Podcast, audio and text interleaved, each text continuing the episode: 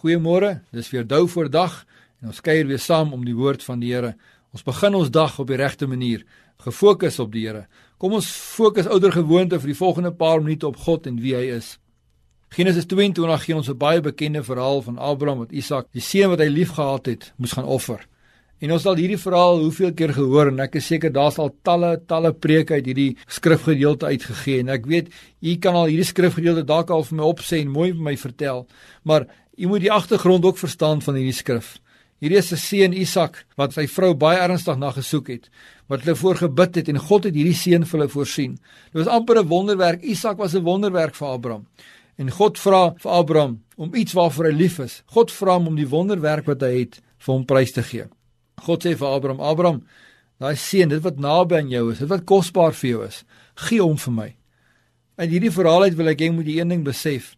Ons leer meer van Abraham uit hierdie verhaal uit as van God. Daar's iets in Abraham hier wat ek graag wil hê u vandag moet raak sien. Abraham het God baie goed geken. Abraham het geweet dat God is nie 'n God wat ons wil indoen nie. Abraham het geweet God is nie 'n God wat dit wat naby aan ons is sommer wil wegvat nie.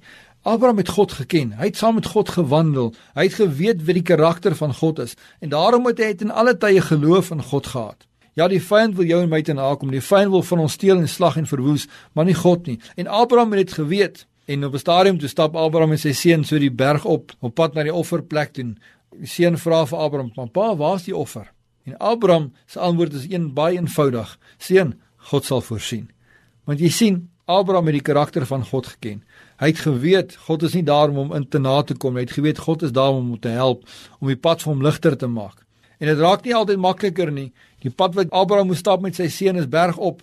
En hoe hoor hy klim, lyk dit nie asof God voorsien nie. Die seun is al vasgemaak en nog steeds het God nie voorsien nie. Partykeer voel dit vir my en jou asof of dit net te ver gaan, asof die druk nie te veel is.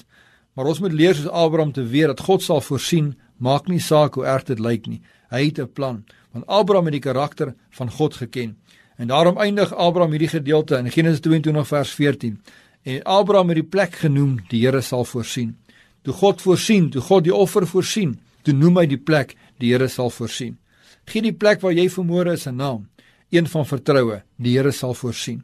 Noem die situasie waarin jy is vandag, die Here sal voorsien. Kom ons bid. Dankie Here dat die posisie wat ons vandag is in die naam dra van die Here sal voorsien. Dankie dat ek weet waar in ons ook al onsself mag bevind, U die vermoë het om te voorsien en ons uit te bring in Jesus naam. Amen.